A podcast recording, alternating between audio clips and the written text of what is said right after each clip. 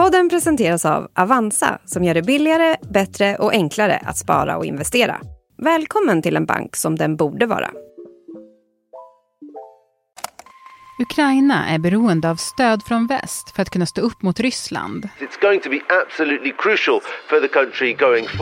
Men EUs miljardstöd har stoppats av Ungern. We are the only one who is speaking on behalf and in favor of the peace. Och nu är tiden knapp för att hitta en lösning. Självklart hade jag önskat att vi skulle kunna fatta ett beslut för att Ukraina behöver vårt stöd. På en kvart får du veta vad ett uteblivet stöd kan få för konsekvenser för kriget. Och vad som händer om Ungern inte ger med sig.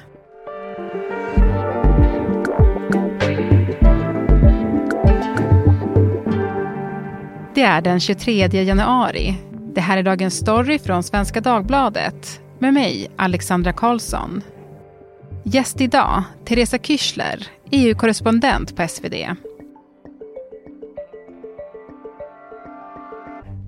Teresa, vi befinner oss nu i EU-parlamentet i Strasbourg och vi har fått sätta oss i en radiostudio här för att komma undan lite grann från sorlet. För gud vilket sorl det är här. Ja, men det är ju liksom en gång i månaden så springer ju folk omkring som yra höns, höns här i Strasbourg. Alltså jag har ju varit i den här världen i 18 år. och Jag har fortfarande inte lärt mig hur man hittar.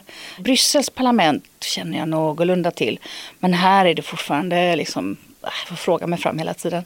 Du, en sak som känns som att det verkligen är på dagordningen här och som man har hört, vi har pratat med många av de svenska parlamentarikerna, det är ju frågan om Ungern.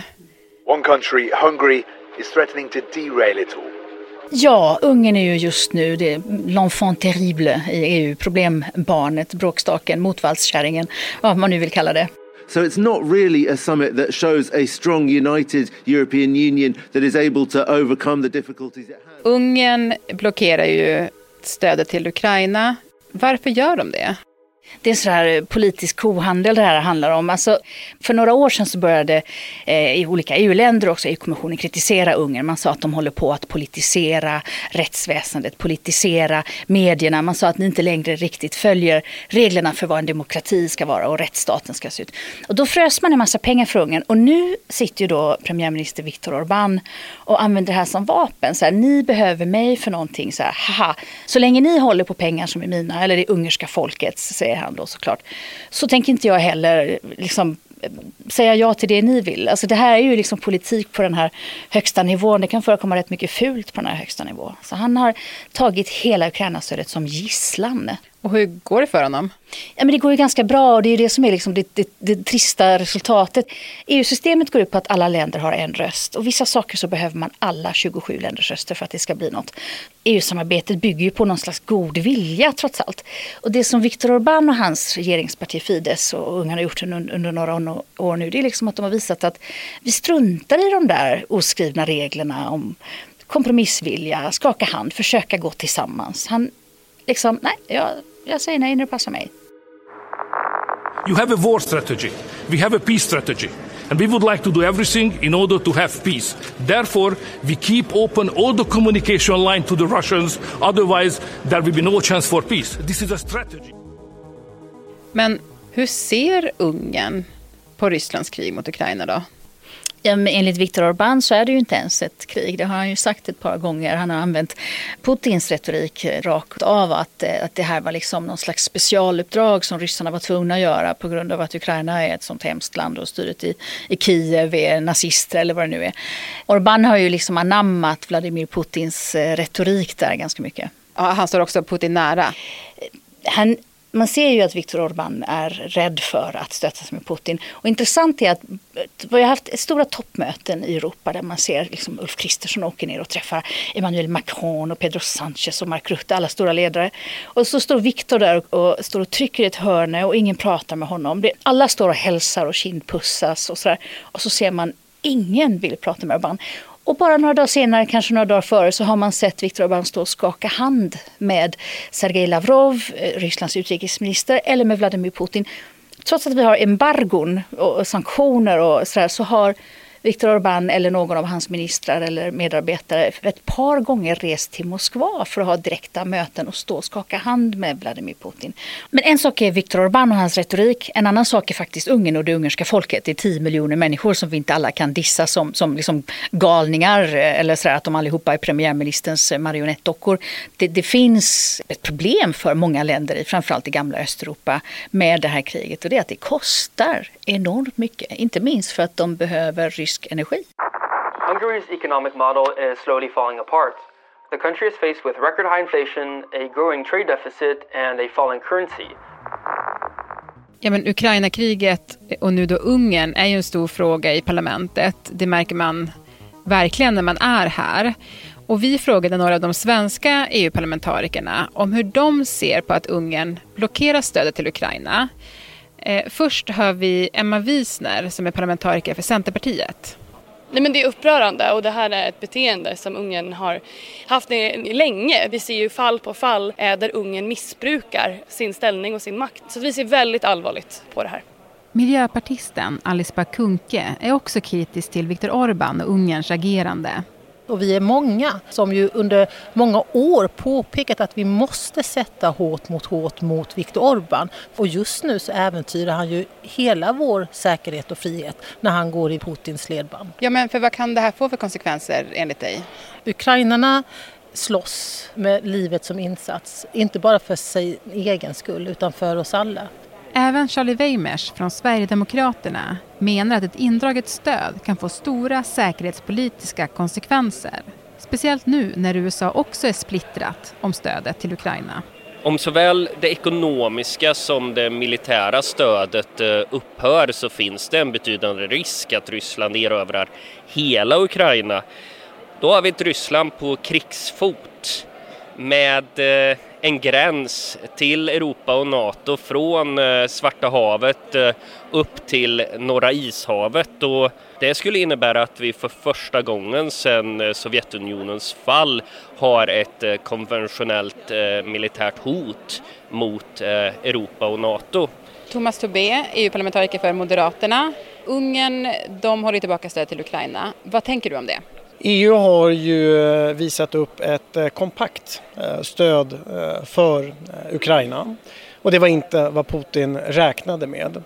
Men det är klart att det nu är problematiskt att Ungern inte är med än. Men jag är rätt hoppfull om att vi ska kunna hitta en lösning till nästa rådsmöte. Teresa, fram tills nu så har det ändå funnits en enighet bland EU eh, när det gäller stödet till Ukraina. Och det är väl nu det på riktigt känns som att den bilden krackelerar. Alltså vad innebär det? Alltså, rent politiskt så är det ju jätteviktigt, eh, inte minst för Ukraina, att de har liksom väst med sig. Men om vi, om vi då har en som börjar sticka ifrån och säga nej, mitt folk säger nej, då kommer det kanske politiska krafter i andra länder, ryssvänliga partier, ryssvänliga grupper som säger att ja, EU minsann inte alls så enat, det räcker att skrapa lite på ytan så ser man att de också eh, är tveksamma till att hålla på, eh, liksom gå i konflikt med en sån viktig nation som Ryssland. Och så här det finns i flera europeiska länder ryssvänliga partier. Vi har inte så några särskilt tongivande sådana partier i Sverige. Men jag menar, titta på i, i Österrike så har vi ett ryssvänligt parti som sitter i koalitionsregering just nu i i Frankrike så har vi Nationell Samling, alltså Marine Le Pens parti som visserligen säger hon nu att hon tar avstånd från Ryssland men om man ser på hur partiet agerar så vill de ha sina ekonomiska förbindelser med Ryssland. Och det finns i varje land något litet parti sådär som skulle kunna liksom starta en utbrytning från den här pro-ukrainska hundraprocentiga eh, ledet som man står i. The European Parliament and the EU immediately condemned the aggression. EU har under torsdagskvällen enats om nya sanktioner mot Ryssland. Ja, men just det här, Therese, att det har varit en jättestor enighet inom EU kring stöd till Ukraina. Det lyfter ju väldigt många fram som otroligt viktigt. Och många som man pratar med är ju också oroliga för vad som händer om eh, den enigheten liksom skulle gå förlorad. Och när det gäller då Ukraina-stödet så fortsätter man ju att lägga allt fokus på det nu. För i början av februari kommer det vara ett extrainsatt möte i ministerrådet. Och än så länge så vet man ju inte riktigt hur det kommer gå, alltså om Ungern kommer ge med sig. Om Orbans veto ligger fast, ja då måste man hitta en annan lösning. För Ukraina är i desperat behov av pengar. Det är stödet från väst, främst EU och USA, som håller igång landets statsapparat. Ja, men, och hur övriga EU ska hantera Ungern och Viktor Orbáns agerande här, det finns det lite olika svar på. Eh, det märker vi när vi frågar de svenska EU-parlamentarikerna. Och vi kan börja med att höra Miljöpartiets Alice Bakunke. Det är ju helt enkelt att inte möta honom med att säga enough is enough och se till att vi eh, drar Ungern och Viktor Orbán inför domstol där vi försöker frånta Ungern rösträtten för att verkligen markera att han kan inte spela med EUs säkerhet eh, och framtid på det sätt han håller på med. Moderaternas Thomas Tobé tror mer på att en fortsatt dialog med Ungern kan lösa upp de låsta positionerna inför det extrainsatta mötet i rådet. Vi får helt enkelt eh, såklart tala mer eh, med Ungern. Ett av de alternativ som nu övervägs det är att vi ska ha en tydligare utvärdering av hur de här medlen används och det kan vara ett sätt att vi kan få med Ungern. Men tror du att ni kommer lyckas övertala Ungern tills nästa möte och få dem att gå med på stödet? Jag är rätt eh, hoppfull kring det och är det som så att Ungern väljer en annan väg ja, då har vi ett mycket allvarligt läge. För då får vi en splittring i den här frågan eh, och då kommer vi andra länder att behöva gå vidare på andra sätt för att kunna ge stöd till Ukraina. Inom EU jobbar man nu på en plan B. Hur man på annat sätt än genom budgeten kan få till ett stödpaket till Ukraina. Och det är något som Sverigedemokraternas Charlie Weimers ser positivt på. Därför att det som händer i förhandlingarna om EU-budgeten det är ju att EU-kommissionen lägger in en massa andra eh, saker som ska finansieras, bland annat olika protektionistiska stödprogram som, som eh, finns på EUs bord. Genom att upprätta en Ukraina-facilitet så kan eh, ett långsiktigt stöd gå till Ukraina.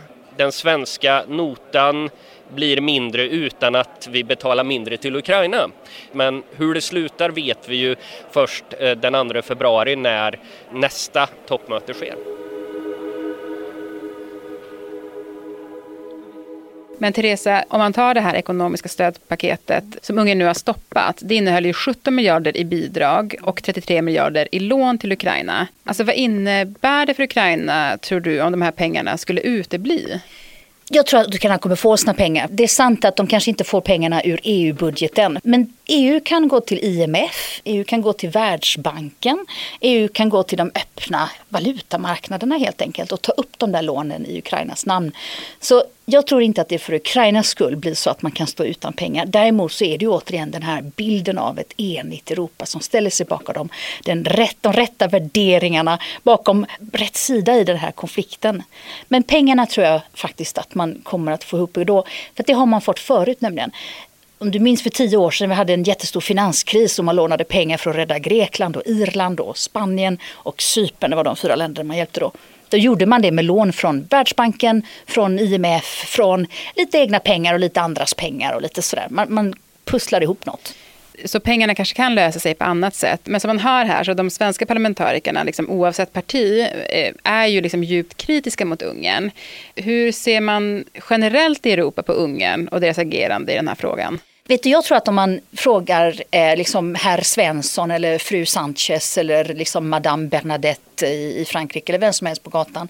Jag tror att det är väldigt få som känner till exakt vilka överenskommelser som görs och vilket lands eh, ja-röst eller nej-röst som behövs för att vem känner till hur många miljarder det finns att plocka upp i lån ur EU-budgeten. Alltså sånt där kan inte gemene man.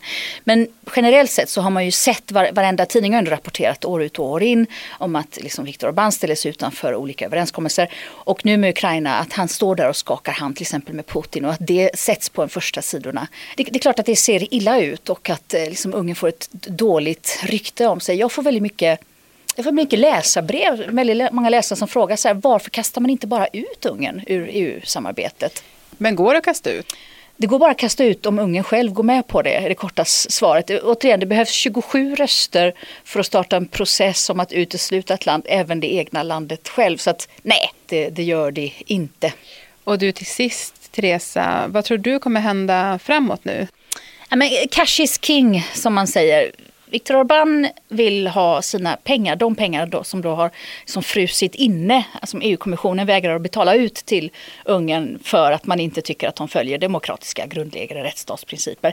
Och det är klart att förr eller senare så kommer det börja synas de där hålen i den ungerska kassan. Man har räknat med de där pengarna antar jag redan. När han börjar få liksom mothugg från sina väljare, från det ungerska folket, då, då tror jag att Viktor Orbán faktiskt måste börja tänka på att ge efter.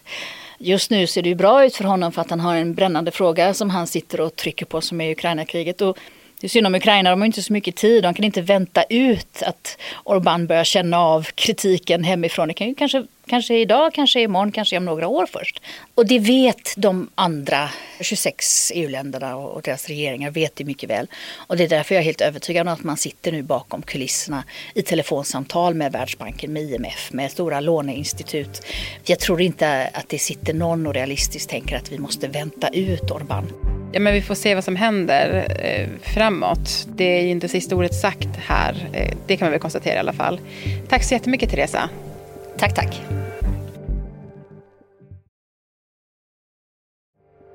Och producent för dagens program det var Moa Larsson. Redaktör var Elin Romeliotto. Och om du vill kontakta oss så mejla till dagensstory.svd.se.